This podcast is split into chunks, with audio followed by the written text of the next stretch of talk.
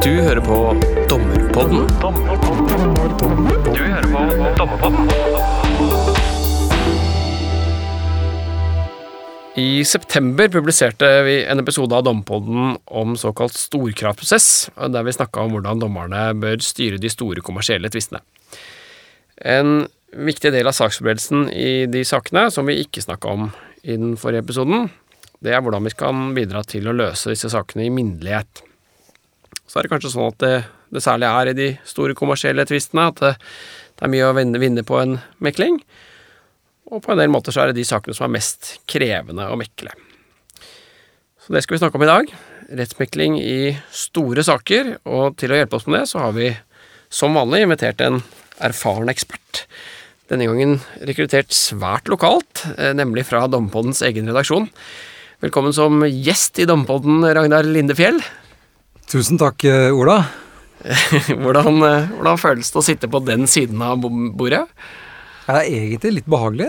Altså, her kan jeg bare sitte og svare og kose meg uten å trenge å forberede noen forberedelser eller noen ting. Så foreløpig veldig fornøyd med rollen. Ja. Du har misforstått litt, Ragnar. Det er, det er sånn at du som gjest som skal forberede deg, mens jeg skal stille de dumme spørsmålene. Ok. Ja, da har vi kanskje avslørt litt vel mye her, da. Ok, Ja, Vi får prøve likevel. Tror nok det går, går fint, Ragnar? Vi, bare litt kort bakgrunnen på deg. For Gjestene har jo sikkert hørt stemmen din før, men, men jeg eh, vet ikke om de vet hva slags bakgrunn du har. Du har vært Eh, forretningsadvokat og ble dommer i 2015. Så er du da eh, i dag konstituert lagdommer i Borgarting lagmannsrett, men, men vi eh, regner med å få deg tilbake da, til Oslo tingrett fra nytt år. Og, og, så lenge jeg har kjent deg, hvert fall, så har du vært opptatt av, av mekling, både i og utenfor domstolene. En master i Conflict Resolution and Mediation fra København, som du gjorde ved siden av tingrettsdommerjobben, tror jeg. Og så har du mekla mye, både i regi av domstolene og, og utenfor. Eh, blant annet skjønte jeg du har et sånn Prime-oppdrag i et stort var det, infrastrukturprosjekt vi ble enige om å kalle det. det. Det er riktig. Eh, jeg har nok et lite sånn meklingshjerte, og det stammer egentlig Det kan jeg takke Oslo tingrett for, som eh, ga meg og en del andre dommerfullmekter en stor bunke med sivile tvister da jeg var dommerfullmektig i 2005, og ba oss om å mekle dem. Og det gjorde vi. Eh, kanskje ikke etter alle kunstens regler, så, men vi meklet, og vi fikk eh, masse gode resultater. Eh, men jeg hadde et behov for, da jeg starta igjen som dommer, å eh, forankre den meklingspraksisen i litt mer fag. Eh, og derav master og, og, den meklingsjobbingen som vi holder på med nå. Og bare tilføye at i neste uke allerede så starter vi opp med første kull av en skikkelig strukturert og god meklingsutdannelse for dommere tre samlinger av tre dager på, på et egnet sted, hvor vi skal eh, heve meklingskompetansen i domstolene ytterligere. Så det gleder vi oss veldig til. Da, kult. Ja, det er veldig kult. Um, du, du uh, Nå som du har blitt en erfaren mekler og også har en sånn teoretisk bakgrunn, hva tenker du om den meklinga du gjorde da du var dommerfullmektig? Nei, det Jeg tror at vi var, var veldig mye entusiasme, og vi meklet mye på en vilje til å hjelpe til med å løse sakene for eh, partene, men vi manglet nok litt, eh, litt fagkompetanse i bånn. Så hvis man tenker seg at eh, man må ha man må sette i spill litt kunnskap, og så må man ha litt ferdigheter, og så må man ha litt refleksjon, så fikk vi etter hvert ok meklingsferdigheter, men det var nok ikke alltid så forankret i kunnskap, og vi var heller kanskje ikke alltid like sterke på å utvikle oss og reflektere over rollen. Så Håpet er jo at vi har blitt noe klokere, men, men at, man, eh, at, man, må bli en god mekler gjennom et samspill mellom å kunne litt meklingsteori og ha mengdetrening, og være litt bevisst på hvordan man utøver rollen, så tror jeg at da har man liksom tre gode, tre gode tommelfingerregler å ta med seg. Klarer du liksom å si hva, hva er det meklingsteori gir deg i en konkret mekling? Ja, det det er et godt spørsmål. Jeg, jeg, tenker at det kan Det er litt som å Du kan gå på tur i skogen en søndag uten mål og mening og ha en kjempefin tur. Eller så kan du dra på orientering og bruke kart og kompass, og så kommer du deg litt fortere dit du skal. Det, jeg tenker teorien gir deg litt kart og kompass. Og det å lære seg å bruke noen meklingsfaglige verktøy for å rydde opp i i saken, og for å få partene til å snakke om ikke bare det juridiske, men det som faktisk er viktig for dem. Eh, sånn at de kan få en løsning som er skreddersydd for, for dem. Og innenfor også noen tidsrammer, og, og, på en måte som gjør at man ikke utfordrer eh, hensyn til nøytralitet, og at man ikke skal være altfor eh, dømmende i sin meklingsrolle, for det skal man jo ikke. ikke sant? Så, så det å kunne få fram et godt beslutningsunderlag for partene, uten at man går i, i, den fella at man blir litt sånn semi-voldgiftsdommer. Det, det er i hvert fall det som jeg syns har vært en øyeåpner i det å bli en, uh, en mekler som har litt, litt bredere faglig forankring i, i faget. Det, der tenker jeg vi har litt å hente. Så det er, det er ett svar på det, iallfall. Mm. Er det sånn at du har du flere helt sånn konkrete verktøy med en god teoretisk bakgrunn, eller er det mer sånn en Eller en annen måte å tilnærme seg problemstillingen på, på litt sånn abstrahert nivå? Det er uh, begge deler, men uh, Og det er ikke det at man trenger at Man trenger ikke noen kjempeomfattende teoretisk bakgrunn, tror jeg, for å bli en helt habil og god rettsmekler, men, men lite grann. Og så handler det om egentlig å anvende de prinsippene i praktisk mekling ta med seg de litt inn og operasjonalisere dem i, i praktisk mekling, sånn at man f.eks. har en plan med meklingen. At man setter seg ned og lager en liten agenda for hva man tror kommer til å bli sentrale temaer. Og at man vi, vi blir jo ofte sittende og prate veldig mye om hva som har skjedd. Og så kan man jo spørre seg hva skal vi med all denne informasjonen? Hva skal man bruke den til? så går vi, løper vi et uh, særmøte, og så begynner vi jo med en eller annen prutteprosess. Dette kjenner jeg godt igjen ja, hos meg sjøl. Og det, og det å kanskje tenke seg litt om, ja, men hva er hensiktsmessig gjort før vi skal i det særmøtet, f.eks.? Uh, eh, hva slags type konflikt er dette? Handler det om uh, Handler det bare om pengene? Uh, handler det om å fordele et eller annet? Eller handler det om uh, relasjonen, f.eks.? Ofte så liksom, arbeidsrett, familierett. Ofte veldig relasjonelt. Og da må man kanskje tørre å snakke om det først før man kan snakke om det som skal fordeles.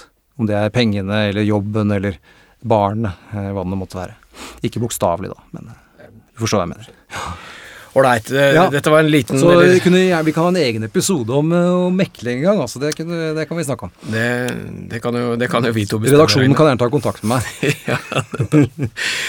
Ålreit, Ragnar. Vi, vi, skal snakke om rettsmekling i store saker, og, og bakgrunnen for at vi gjør det akkurat nå, er også denne gang, får jeg vel si, da, at eh, det er en Oslo tingrett har laget en, en, ny veileder for den type mekling. Og, og, grunnen til at vi har invitert deg, fordi du Eller i tillegg til at du åpenbart har gode forutsetninger for å mene om dette, er at du har så vidt jeg forstår, vært med i en sånn arbeidsgruppe som har vært med å lage denne veilederen. Så mitt første spørsmål er Hvorfor trenger vi en veileder til å lære oss rettsmekling i store saker? Altså Er det ikke litt sånn Må vi ikke være helt konkrete i hvordan vi tilnærmer oss dette? Hva, hva en, hvilken hjelp er en sånn veileder, som du ser? Ja, det vil jo vise seg, da. Men, men vi har jo blant annet vi har laget veilederen for store kommersielle tvister, tvistesaksbehandlingen. Og så tenkte vi at kanskje er det en idé også å lage en veileder for, for mekling i, i, tilsvarende saker. Og det, det, er jo ikke ment som noe oppskrift for hvordan man skal mekle i den konkrete saken, men det er jo ment som en, en inspirasjon og en, en, pekepinn, en veiledning på, uh, om, om, forhold som kan være skiller seg litt ut i forhold til vanlige, de vanlige meklingene. Og Da er gjerne langs to akser i hvert fall det går. Da. Det er jo mer omfangsrike saker, og det er ofte ganske komplekse saker. Uh, F.eks. man tenker seg innenfor større entrepriser. Og Det gjør at det er et stort og ressurskrevende arbeid å gjennomføre rettsmekling i de sakene. Uh, og da er det en del grep som vi har identifisert, som vi tenker kanskje kan være til nytte og hjelp, særlig i forberedelsen, og også litt i gjennomføringen av, uh, av disse sakene. Um, og bare, kan du bare si, det, det, som du påpekte, jeg var med i denne arbeidsgruppa som nå holder på å legge siste hånd på verket i, disse, i veiledningen. Sammen med da andre fra Oslo tingrett, fra Borgarting lagmannsrett og fra advokatsiden. To, Jonny Johansen fra Håvin, Ola Nisja fra Vikborrein har bistått. Og med god hjelp til å sy det hele sammen fra eh, Oslo tingretts eminente dommerfullmekter. Så dette er et samarbeidsprosjekt da, mellom, eh, mellom dommere og, og, eksterne advokater. Så mm, det har vært et, et godt og bredt forankret arbeid, vil jeg si. Um, så det er, det er jo i et forslag til virkemidler som, som advokatene kan benytte seg av uh, i samarbeid med, med, den som skal rettsmekle saken. Ålreit. Kan du ikke bare gi oss en uh, litt sånn kort innføring? Hva, hva er det, hvilke temaer er det veilederen kommer inn på? Og, og, hvordan skal den brukes? Ja, uh, helt kort så har vi vel fire hovedpunkter i veilederen. Det, det ene går på deltakerne. Uh, hvem er typisk med i sånne meklinger, og hva er deres respektive roller? vi har et, punkt om saksoppledelse. Saksoppledelsen er nok kanskje det der hovedtyngden av denne veilederen ligger. Eh, jeg tror det er der det er mest å hente på å bruke andres erfaringer. Men også litt på gjennomføringen av møtet, og så noen punkter om hva man kan hensiktsmessig gjøre etter et rettsmeklingsmøte. Så, da skal vi tenke vi skal gå gjennom det eh, litt sånn eh, kronologisk, kanskje. Bare før vi gjør det, eh, hvis du skal si tre ting da, som det er viktig å tenke på når man skal mekle en, en stor sak. Ja, nei, det må jo være forberedelser. Uh, forberedelser. Og La meg tenke litt. Jeg tror jeg vil si forberedelser som et siste punkt. Jeg skjønner. Um, ja, jeg, jeg, skjønner jo at jeg eh, synder litt når jeg skal mekle. For dette går jeg fra at også har relevans for de litt mindre meklingene, som jeg av og til har, da. Um, men ålreit, forberedelse er viktig, det, det, har vi jo hørt før. Um, og, og, kanskje du da kan si litt om hva er det dere har tenkt da, om at partene og, og mekleren skal gjøre før man møtes? Ja, det kan jeg godt. Vi det, det, og, og, kanskje, ja. hvorfor er det så viktig å planlegge? Altså, Det er kanskje et naivt spørsmål, mm. men det er jo min rolle. Ja, ikke sant. Uh, vi, vi, tror nok at sjansen for å lykkes uh, i, en, i, en, mekling som er relativt stor og kompleks, uh, den blir nok en del redusert hvis man møter i en sånn mekling, kanskje den skal vare over flere dager med fagkyndige, uten at det har vært en, en prosess mellom partene hvor man blir enige om en agenda, f.eks. Det er jo nokså naturlig at man har en slags dagsorden, et utkast til agenda for et uh, møte hvor man skal snakke om vanskelige ting. Uh, det er ofte stort og uoversiktlig faktum. Det å få en konsentrert faktumfremstilling, det kommer litt tilbake til, det er et, et formål. Uh, kvalitetssikre at man har tilstrekkelig tid. Altså det er en rekke sånne forhold som, som spiller inn. Uh, og helt sånn det kon konkrete tiltak som vi foreslår i veilederen, så er jo det i og for seg noe som eh, advokater kjenner veldig godt fra før. Det er det gode gamle planmøtet. Eh, men at man har et planmøte som er med rettsmekleren, og som særskilt da eh, behandler hvordan meklingen skal legges opp. Og det vi også da i den forbindelse gjør, så har veilederen noen forslag til hva man kan snakke om i et, et sånt planmøte.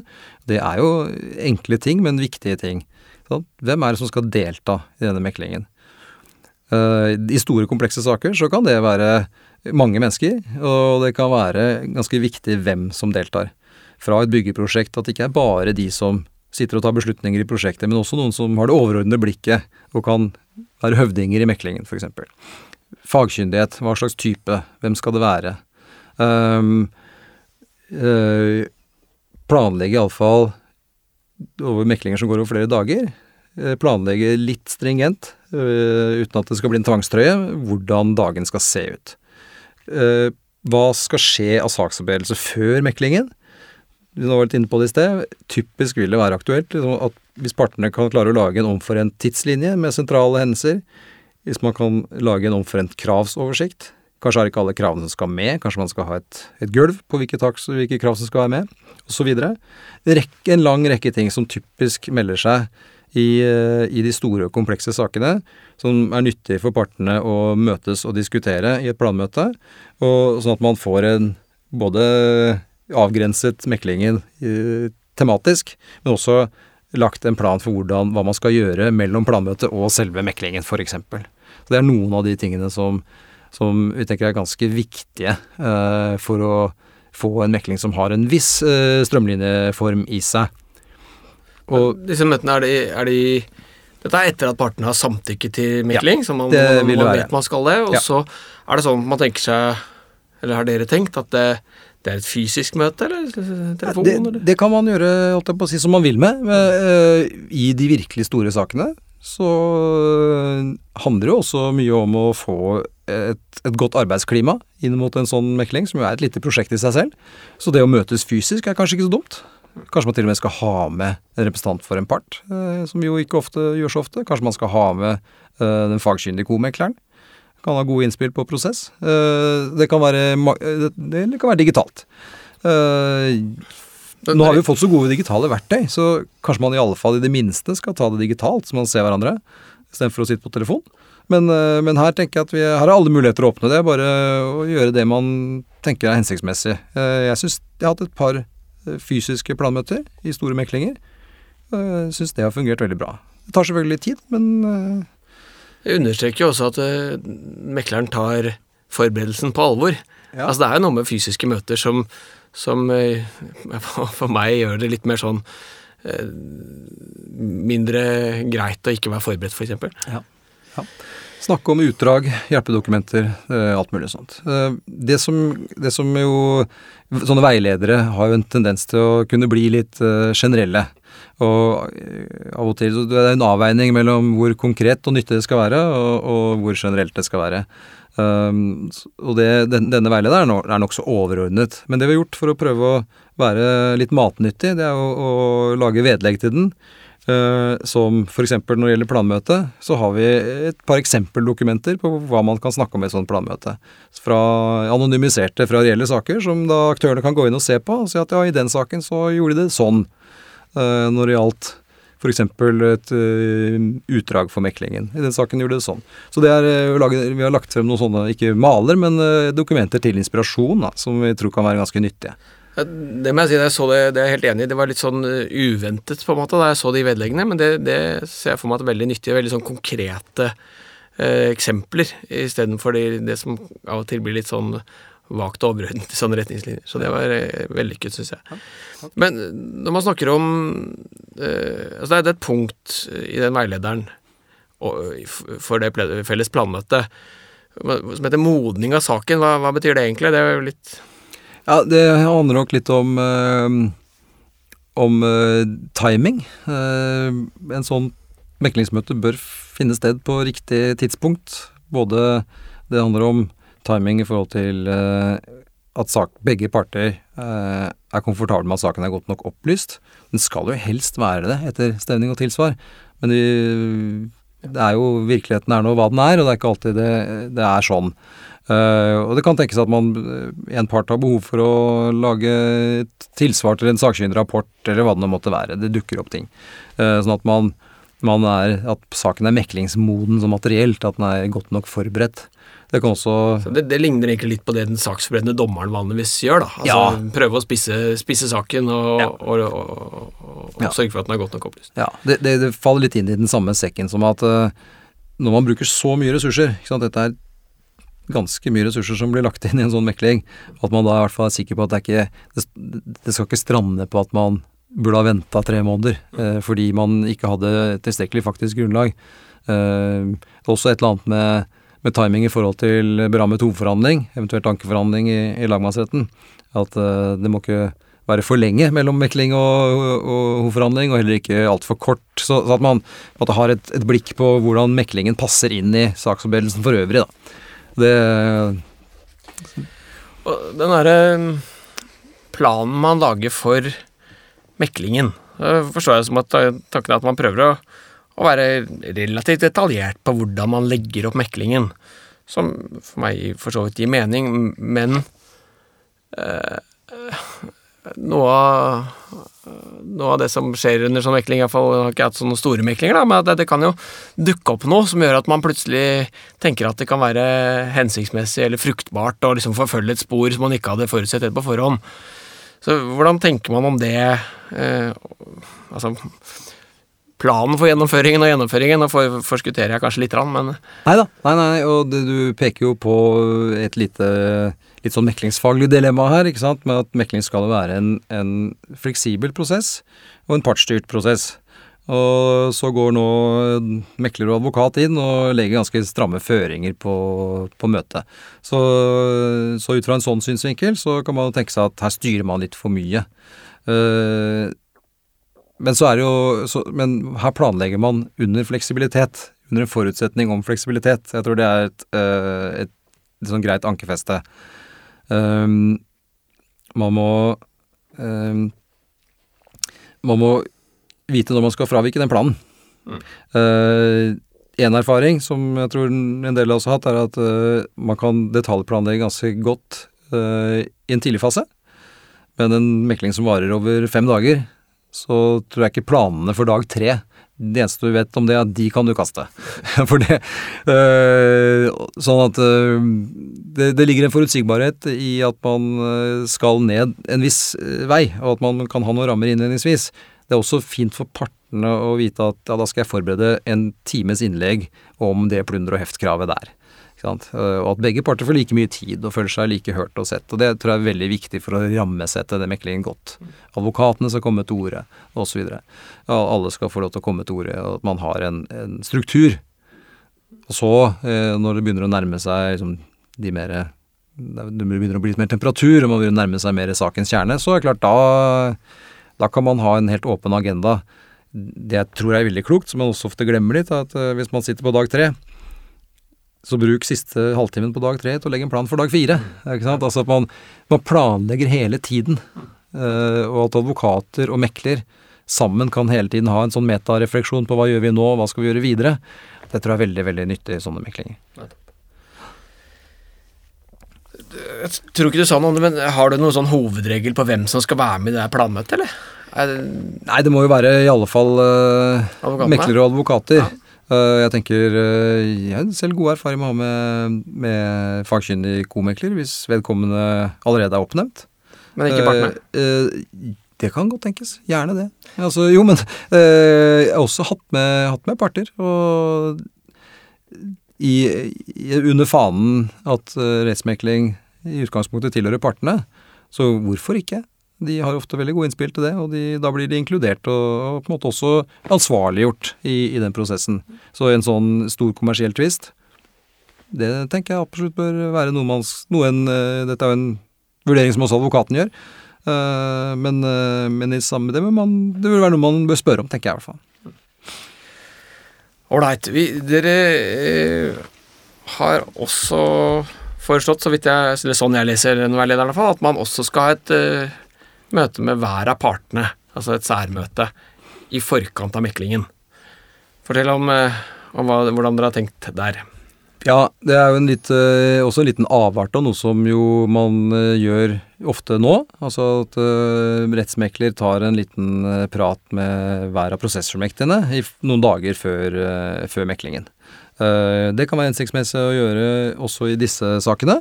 Um, det, det, Formålet med dem er for så vidt i all enkelhet å avstemme at det man ble enige om i planmøtet, der er vi omtrent på merket.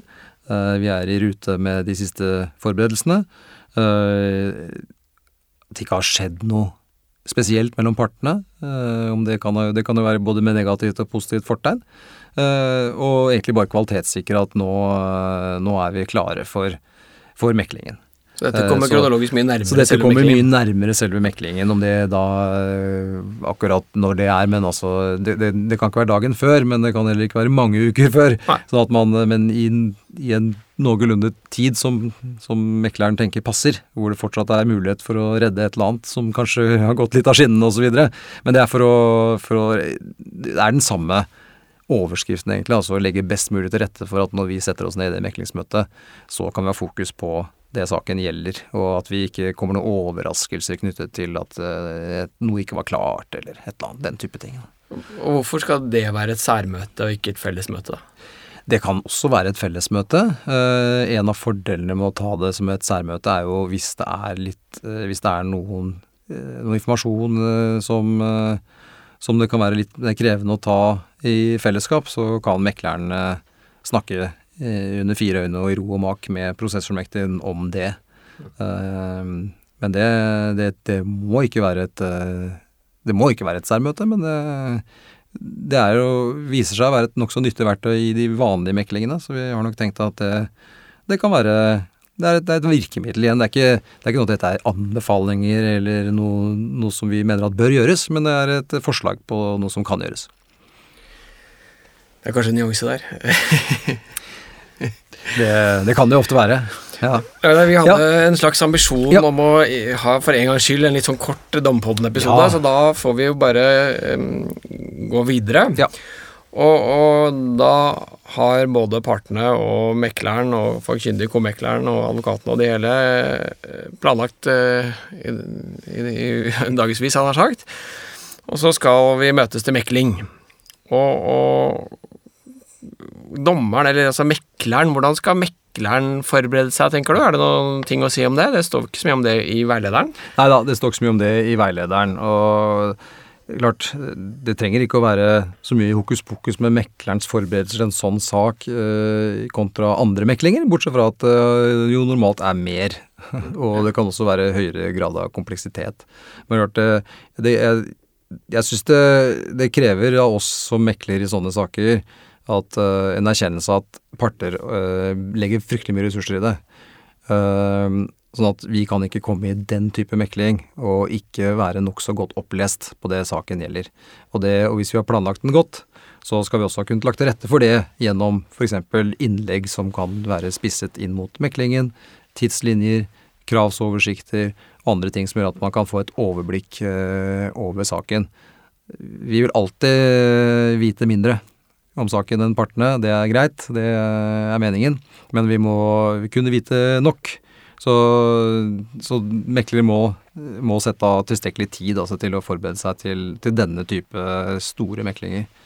Um, min, så er det også mitt lille mantra, hvis jeg kan skyte ned, det er at uh, jeg tror at meklere ofte med fordel kan uh, forberede seg vel så mye på selve meklingsprosessen og tenke gjennom prosess, hvordan man skal legge opp møtet hensiktsmessig, hvilke virkemidler det kan være naturlig å ta i bruk, uh, enn at man må beherske enkelhetene i alle krav. Mm. Eh, det, er en, det er en balansepunkt der mellom hvilke ressurser man skal legge hvor. Men mekleren som prosessveileder eh, er litt opptatt av. At mm. det er det vi styrer det. Partene har et ansvar og en plikt til å både opplyse saken og tilføre saken det den trenger i meklingen for å komme til en løsning. Det er ikke dommerens ansvar. Men dommerens ansvar er å legge til rette for at det kan skje på en hensiktsmessig og effektiv måte. Da, da, tenker du ikke på at man skal ta en uh, master i mekling uh, på forhånd, men da tenker jeg om denne konkrete saken. Er det, hvilke virkemidler er, trenger den, eller trenger disse partene? Nei, jeg tenker man må ta en doktorgrad først. Ja. nei, det, det, nei da, det er jo eh, jeg, jeg, tror vi tenker ofte for mye på at vi skal være så utrolig flinke til å beherske alt det saken handler om, både faktisk og rettslig. Og tenke litt mer på hvordan jeg skal være en god og konstruktiv møteleder for dette mm. møtet mellom partene, denne forhandlingen, som det jo er. Og eh, hva har dere tenkt om gjennomføringen av, møtet, da? Nei, eh, gjennomføringen vil normalt forløpe som en, eh, som en eh, Som det ofte gjør i mekling. Starte i fellesmøte. Partene får tid og anledning til å presentere sine, sine synspunkter. Det som skiller En ting som skiller, er jo at man gjerne har med en fagkyndig komekler. Komekleren har også en, en rolle i dette. Eh, det er også flere mennesker, så det er liksom litt mer mikk å få det til.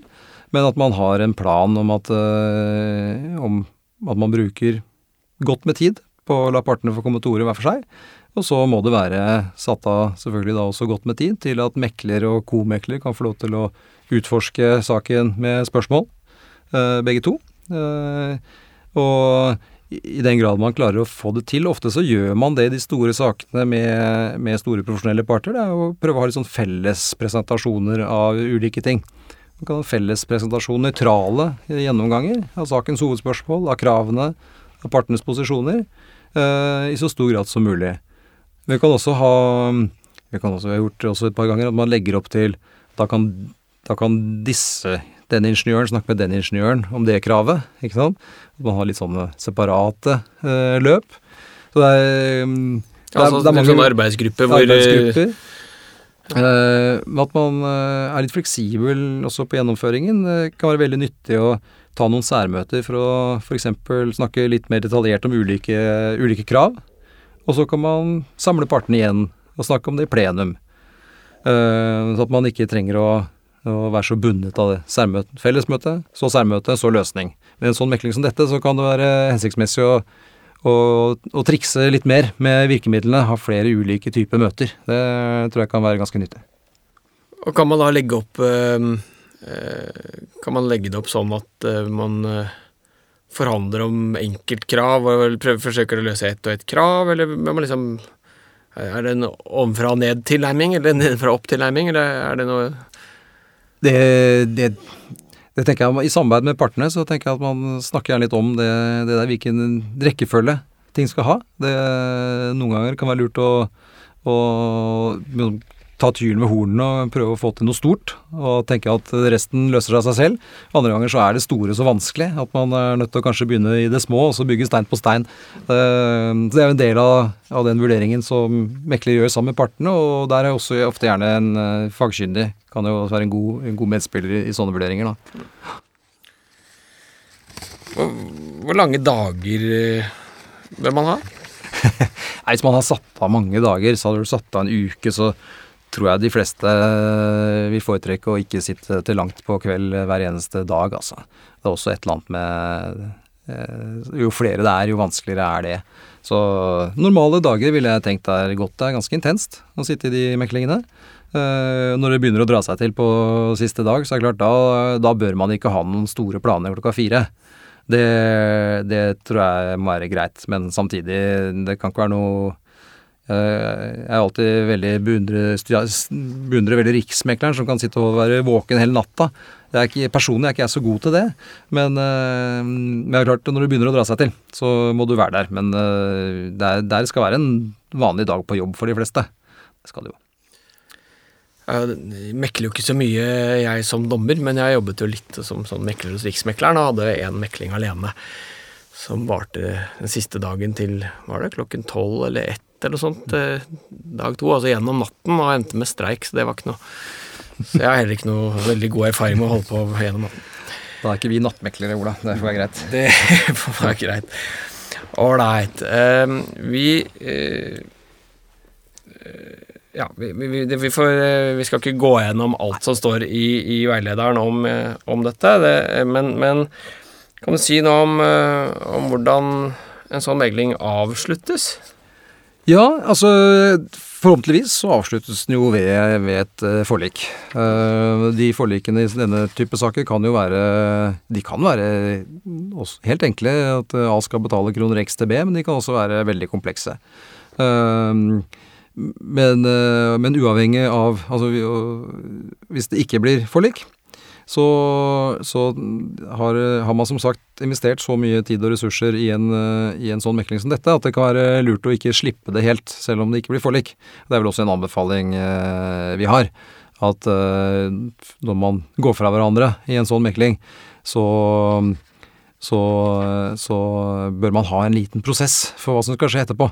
Og det kan være så enkelt som at uh, partene blir enige om at de skal møtes videre. Man kan selvfølgelig også flere meklingsmøter, rettsmeklingsmøter, men det kan også være sånn at partene bare trenger å modnes litt, eller man trenger å snakke med beslutningstagere, hva det nå måtte være, uh, og at rettsmekleren kan f.eks. avtale et telefonmøte en uke eller to etter med prosessfullmektigene for å følge opp.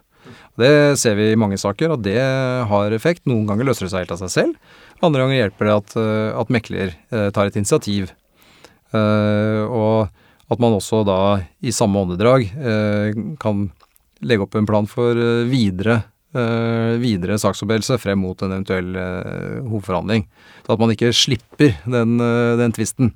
Det er det ene. Det andre tenker jeg er jo at sånne meklinger som dette kommer jo ikke hver dag. Uh, med unntak kanskje noen få advokater, så er det ikke så mange som holder på med dette fryktelig ofte. Så det at vi uh, Og dette, denne veilederen er jo et lite forsøk på det. Det er jo også at man, at man faktisk bruker disse prosessene til litt læring. Uh, for de profesjonelle aktørene. Det er både rettsmekler, det er fagkyndig komekler, og det er advokatene.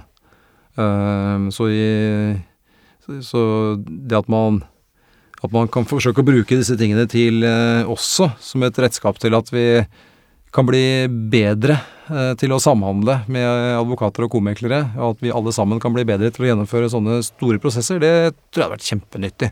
Så er det veldig morsomt også å snakke om det.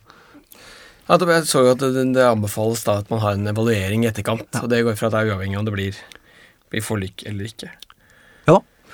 Det er det. Det er, eh, det er, jo kanskje der det ikke blir forlik, at det er mest læring å hente. Men hvor det kanskje også er mest krevende å ha den samtalen. Men ja. uh, vi som er profesjonelle, tenker jeg, vi bør jo være interessert i det.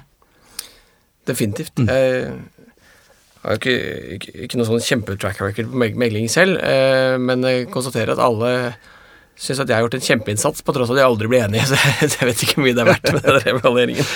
Det er en innsatsforpliktelse, Ola, ikke en resultatforpliktelse. Så det Eh, du Ragnar, ja. Eh, vi har eh, langt fra uttømt den veilederen, og jeg tenker altså Jeg har ikke vært med på den, å lage denne, så jeg mener jeg kan trygt, trygt si det. At det, det, er masse bra her, og særlig i de vedleggene er det veldig mange gode tips. Jeg tror bare vi må liksom oppfordre de som hører på, til å, å oppsøke den veilederen. Og, og, den er laget av Oslo tingrett, men det er vanskelig å se at det skulle være noe spesielt med vår virksomhet som gjør at den er irrelevant for andre domstoler? Absolutt ikke. Dette er selvfølgelig eh, dette er selvfølgelig ment til allmenn eh, forlystelse, og, og, mange domstoler rundt omkring har kjempestore meklinger. Noen veiprosjekter eh, er et eksempel på det. Sånn at uh, dette er jo noe som fra tid til annen vil dukke opp, og vi håper jo absolutt at dette vil bli brukt. Uh, vil bli publisert uh, på domstol.no. Ja, status altså, når ja. vi tar opp dette, det er 9. november. Ja. Eh, og det, Du sa dere skulle legge siste hånd på den. Hva, når kan vi forvente at eh, den er tilgjengelig for oss vanlige dødelige? Vi har eh, ingen dato akkurat nå, eh, men eh, la oss eh, tenke oss at når vi publiserer denne episoden, så er uh, veilederen ferdig og klar og ligger ute. Er, det, er, det, er, finpuss som gjenstår nå, i siste, siste høringsrunde i arbeidsgruppa. Mm. Så når du hører dette, så er den der. Fantastisk. Dette blir bestemmer jo det, Ragnar, når ja. den skal legges ut. Og med der så mener vi vel da i primært domstol.no. Ja. Og så vil jeg tippe at også dette blir kunngjort gjennom eh, DA eller Oslo tingretts eh, sosiale medier, kanaler. Tror vi kan, eh, Dommerpodden? Tror vi kan si at vi, vi, vi, kan jo lenke til den i, i, La oss gjøre det. i episodebeskrivelsen. Ja. Alright. Er det um, Før vi runder av, Reinar, noe du, du, tenker vi må innom som vi ikke har uh, fått touchet inn på? Nei, øh, vi skal gjøre kort prosess. Uh, håper at uh, veilederen kan være til litt nytte. Og jeg vil plukke opp det siste du sa, egentlig, Ola, om at jeg tror at også ta en titt på de vedleggene. Eh, vi er utrolig glad i, i gode sjekklister eh, som advokater og, og, dommere. Og der er det faktisk et par ganske gode eksempler, både fra domstolen internt og fra noen av våre advokatvenner, om hvordan, eh, hvordan man kan tenke når man skal planlegge ordentlig, den ordentlig store dagen i, i, i meklingsmøtet. Så det må være oppfordringen. Håper, håper veilederen faller i smak, og, og dersom noen bruker den og har innspill, så er det jo veldig fint å komme med det også. Det blir vi glad for. Da runder vi av, Reinar. Tusen takk for at du tok deg tid til å komme som gjest i din egen podkast. Det gleder jeg meg til. Nå skal vi forhandle honorar. Ja, det blir ikke mye penger til deg, for å si det sånn. Eh, jeg heter Ola Berg Lande og, og lager da Dompodden sammen med dagens gjest Ragnar Lindefjell og Runa Nordahl Hereid. Vi høres. Du har hørt på Dommepodden. Dommepodden er en podkast fra Norges domstoler og er først og fremst ment som et kompetansetiltak for dommere. Hvis du har ris, ros, forslag til temaer eller folk vi kan prate med, så er vi glad for å høre fra deg, og da kan vi nås på podkast at domstol.no. Ha en god dømmende hverdag så lenge. Vi høres.